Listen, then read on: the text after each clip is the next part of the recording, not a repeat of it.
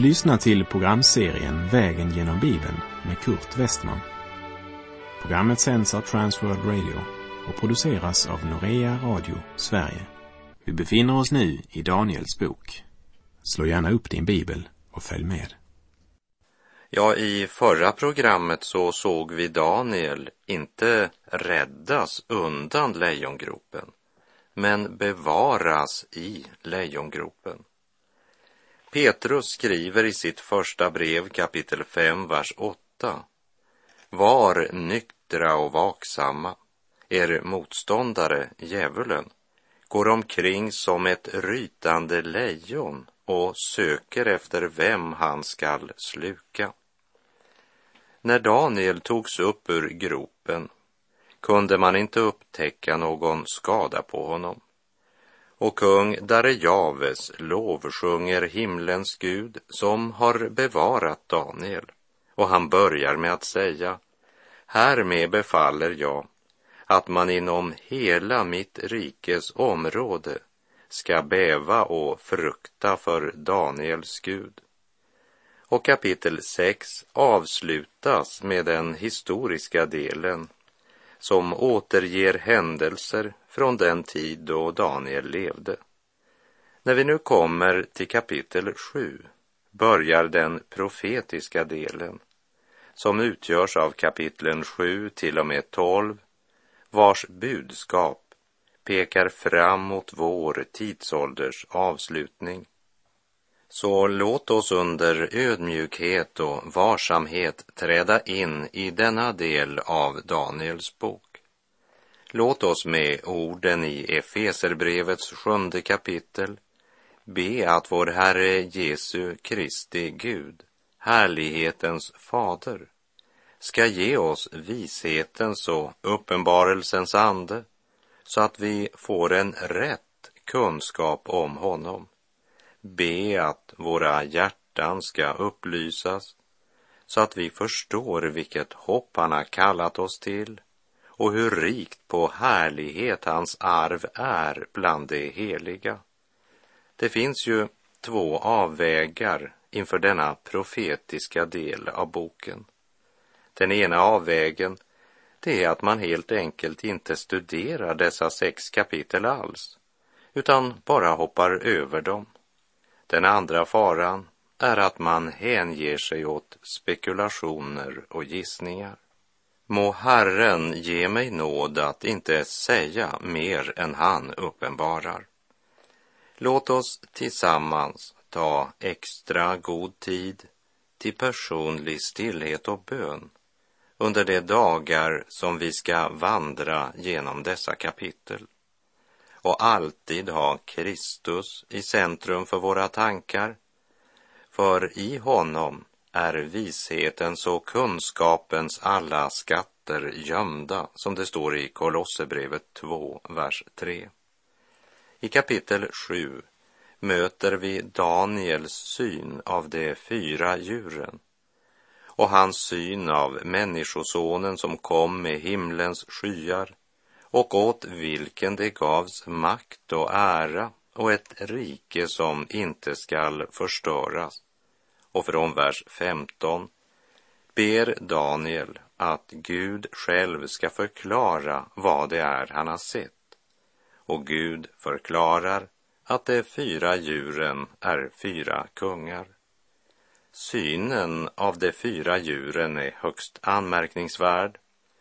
De syner vi ska möta i dessa sex kapitel fick Daniel vid olika tillfällen och det var ganska lång tid mellan vart syn. Synen i kapitel 7, det var under den babyloniske kung Belsassars första regeringsår. Synen i kapitel 8 under Belsassars tredje regeringsår och kapitel 9, där är det kung Darejaves första regeringsår. Och synen i kapitel 10 fick Daniel under den persiske kung Korers tredje regeringsår och synerna i kapitlen 11 och 12 var under Darejaves första regeringsår. Så synerna är inte inte kronologiskt indelade och de är inte heller kronologiskt indelade i relation till de sex första kapitlen, utan Daniel har alltså samlat dessa syner i de sex sista kapitlen av sin bok.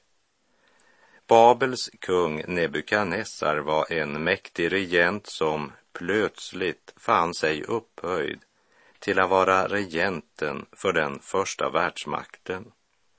Hans rike omfattade tre kontinenter. Han hade besegrat Egypten i Nordafrika. Han hade också makt över vissa delar av Europa. Ett mäktigt imperium, större än något tidigare rike som vår värld någonsin har sett. Men Nebukadnessar undrade mycket över framtiden. Vad skulle hända med det babyloniska imperiet och vad skulle ske med honom? I en dröm så fick han se en stor staty bestående av fyra metaller och genom Daniel gav Gud honom tydningen av drömmen som vi minns från kapitel 2 i Daniels bok. Statyn bestod av fyra metaller, inte fem utan fyra metaller. Och Daniels syn bestod av fyra djur. Lejonet, björnen, pantern eller leoparden samt ett fjärde väsen som inte liknade något djur han tidigare hade sett. En sammansatt varelse som har kallats för den obestämbara. Den sista var alltså en varelse med förskräckligt utseende som man aldrig sett, varken i havet, på land eller i luften. Det vill säga, det existerar inget tidigare skapat man kan sammanlikna det med. Så vi kan förstå att Daniel hade svårt att sova efter att ha sett denna syn. Speciellt eftersom han inte visste vad drömmen betydde. Men att den hade en betydelse, det förstod han. Och att det likt Nebukadnessars dröm handlade om framtiden, det förstod han också. Det fjärde djuret var förskräckligt, fruktansvärt och starkt och trampade allt under sina fötter. Augustin har sagt att vid ingången till den heliga skrift är det så låg portgång att vi måste böja oss. Och det gjorde Daniel. Och detsamma vill vi också göra när vi nu ska träda in i den profetiska delen av Daniels bok.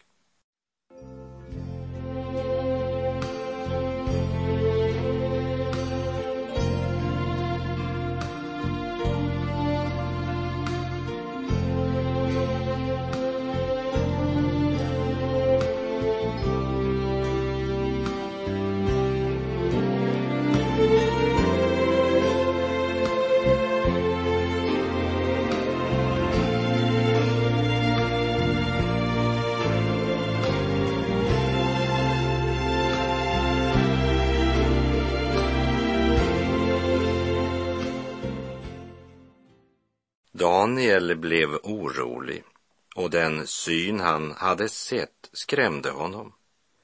Redan efter att Gud hade uppenbarat Nebukadnessars dröm för Daniel och gett honom tydningen var Daniel förundrad.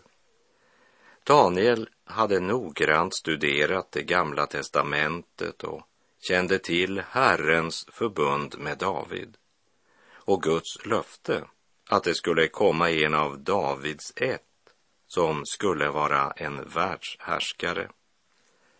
Men med de fyra världsrikena han genom Nebukadnessars dröm fick höra om gjorde det svårt att förstå hur Guds plan med att uppresa en härskare av Davids ett skulle passa in i allt det här. Men dessa kapitel i Danielsboken kommer att ge honom svar på den frågan. Vi kan säga att det är världshistoria skriven innan det sker. Och vi ska komma ihåg att det är skrivet cirka 600 år före Kristus. Gud talar genom synen av de fyra djuren för att undervisa Daniel, trösta hans undrande hjärta och ge de förklaringar som han behövde för att kunna vila i Guds löfte. När Gud talade genom en dröm till kung Nebukadnessar visade Gud honom statyn med de fyra metaller som talar om dessa rikens yttre glans, vilket Nebukadnessar var upptagen av. Men i Daniels syn låter Gud honom se den inre karaktären och dessa rikens sanna natur. De är som vilddjur vars rovdjursnatur är destruktiv. De är alla mördande och nedbrytande till sitt väsen. Naturligtvis finns det likheter mellan de fyra metallerna i Nebukadnessars dröm och djuren i Daniels syn. Fast den ena synen talar om den yttre glansen och den andra om dess inre dolda natur. Det första talar om huvudet av guld som i Daniels syn utgör lejonet och syftar till den första världsmakten, Babylon. Det andra talar om bröstet och armarna av silver, vilket i Daniels syn är björnen och som syftar till det medipersiska imperiet. Det tredje talar om buken och höfterna av koppar som i Daniels syn är pantern eller leoparden, vilket syftar till det grekisk-makedoniska riket. Det fjärde, det talar om benen av järn, vars fötter delvis var av lera och delvis av järn, och som i Daniels syn utgjordes av det obeskrivbara, fruktansvärda djuret som inte hade någon motsvarighet i den skapade djurvärlden, vilket syftar till det romerska imperiet. Men vi lägger märke till att det sista riket i Nebukadnessars dröm utgjordes liksom av två delar, eller möjligen två etapper. Dels benen av järn och sedan fötterna som delvis var av järn men uppblandat med lera. Vi läser Daniel kapitel 7, vers 1. I den babyloniske kungen Belsassars första regeringsår hade Daniel en dröm och såg en syn när han låg på sin bädd. Sedan skrev han ner drömmen och meddelade huvudinnehållet av den. Tidpunkten för synen det fastställs till Belsassars första regeringsår, alltså mot slutet av den tid då huvudet av guld eller Babylon var en världsmakt. Såg en syn, det är i norsk bibel översatt med han såg syner i sitt inre, det vill säga syner i flertal vilket kan tyda på att det han här skrivit ner såg Daniel i flera omgångar. Vi läser vers 2.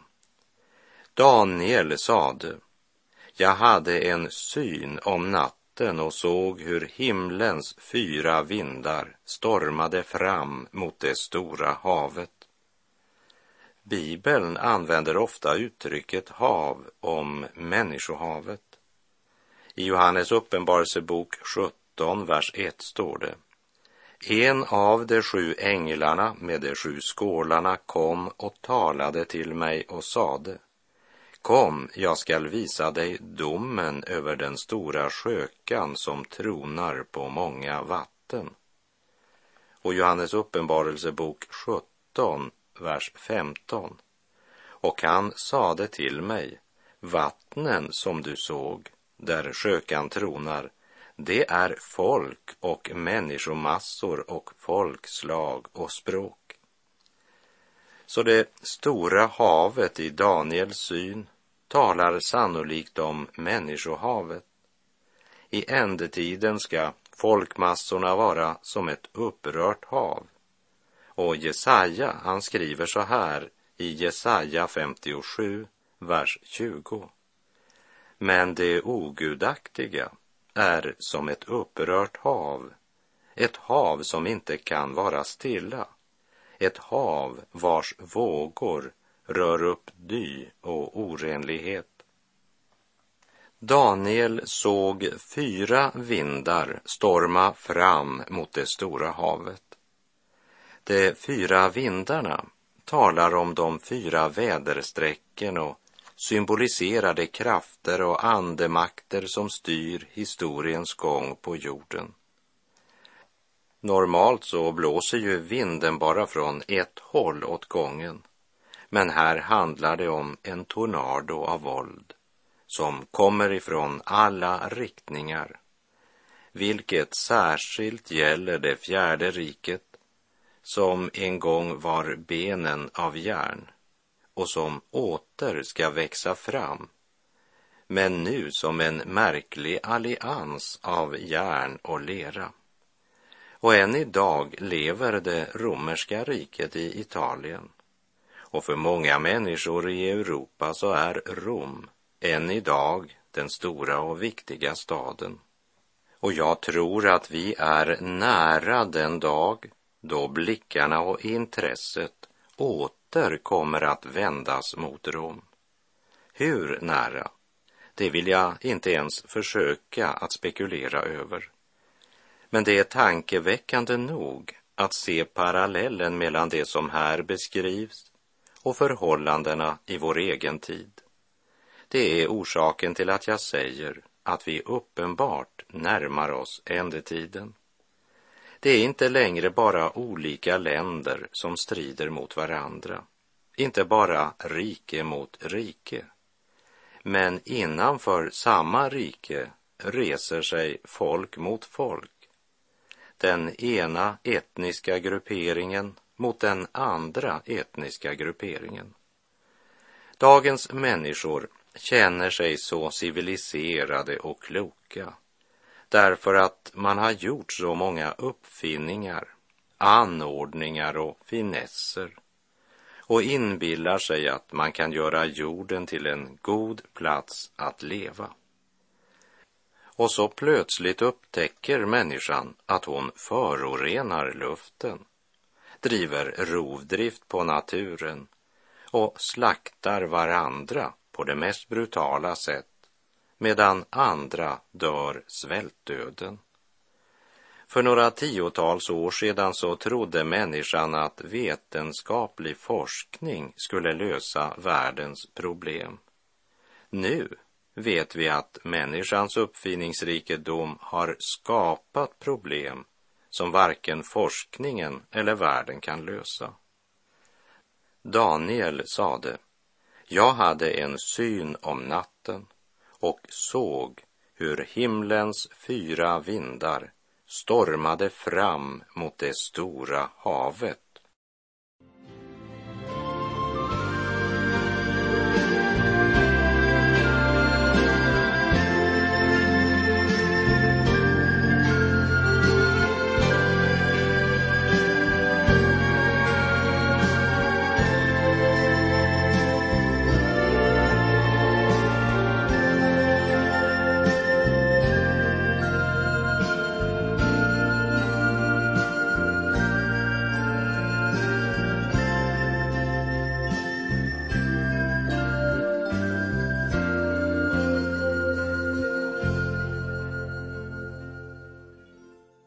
Daniel såg hur himlens fyra vindar stormade fram mot det stora havet, det brusande folkhavet.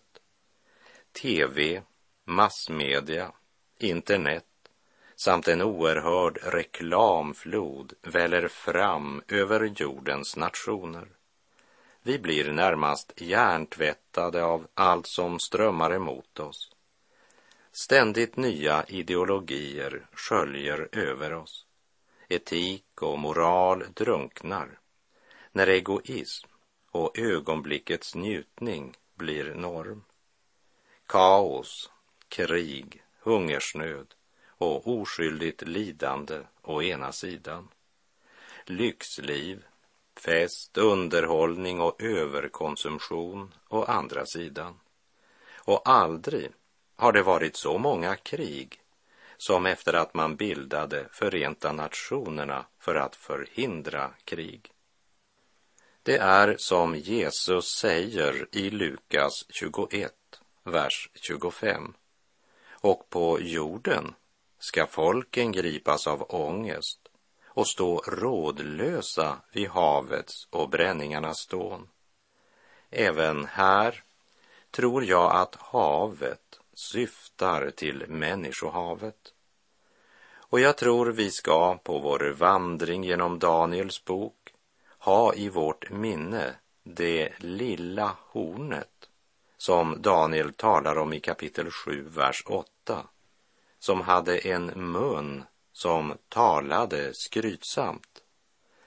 För han kommer verkligen att marknadsföra sig själv för världen när han dyker upp på historiens arena.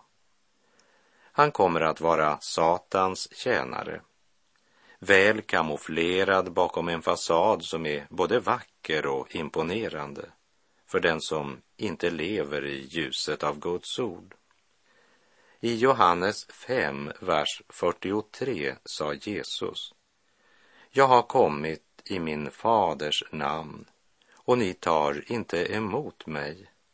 Men kommer det någon annan i sitt eget namn, honom tar ni emot. Humanismen söker idag att överallt glorifiera människan. Och i kulturens namn har man gjort teatern respektabel, även om det uppenbart var teatern som upplöste grekernas moral och som förde till det grekiska imperiets undergång. Och film och teater bryter även idag ner människornas moral. Unga såväl som äldre talar om sin frihet samtidigt som de allra flesta styrs av modetrender och tidsandan. Men de har inte alls någon frihet utan är hjärntvättade och har en verklighetsuppfattning som formats av reklamen och av de multinationella företagen. Så det är inte de politiska partierna som styr utvecklingen. Idag är det mammon eller kapitalet som styr. Det är den skrämmande bild som Daniel beskriver för oss. Men pressa inte bilden för hårt. Jag säger inte att det vi ser idag är uppfyllelsen av denna profetia. Vad jag säger är att det har börjat blåsa och det kan bli en ganska lång storm. Så ska vi i de kommande programmen se på de fyra vilddjuren i Daniels syn utan att laga några scheman om hur långt vi har kommit men vandra steg för steg under bön om uppenbarelsens ande till en rätt kunskap om Gud, så att vi kan se vad dessa ord har att lära dig och mig för vår vidare livsvandring. Johannes skriver i sitt första brev, kapitel 2 och vers 18. Kära barn, den sista tiden är här liksom ni har hört att Antikrist ska komma, så har redan nu många antikrister trätt fram. Av detta förstår vi att den sista tiden har kommit.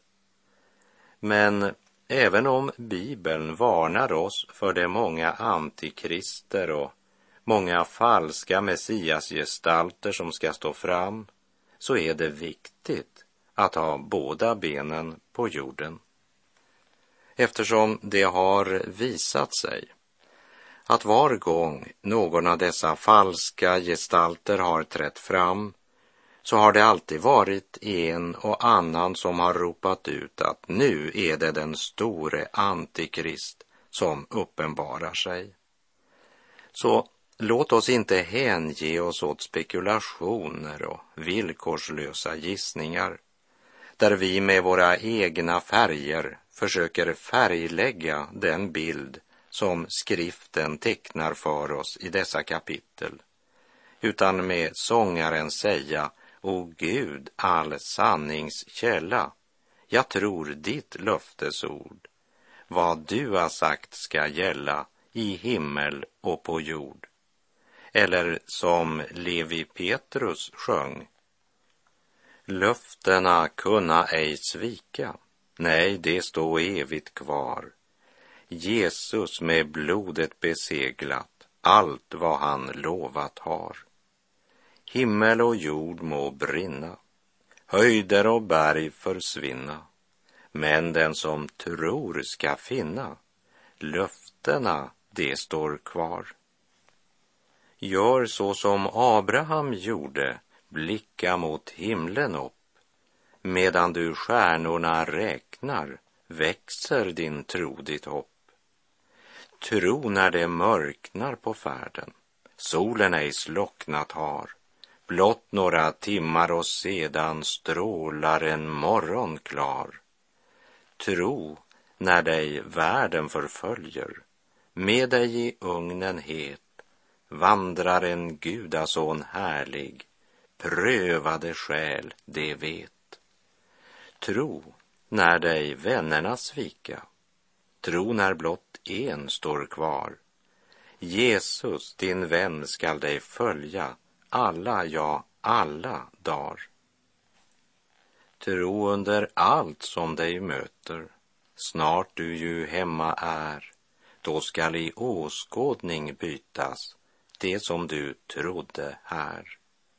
Himmel och jord må brinna, höjder och berg försvinna, men den som tror ska finna löftena, det står kvar. Och med det så är vår tid ute för den här gången och jag säger bara på återhörande om du vill.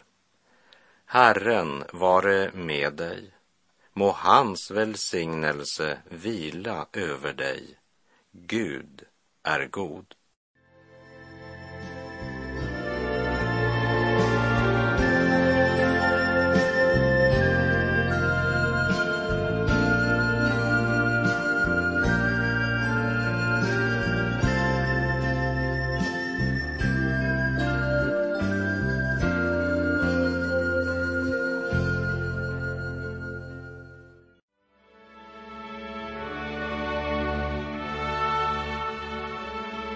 Du har lyssnat till programserien Vägen genom Bibeln med Kurt Westman som sänds av Transworld Radio.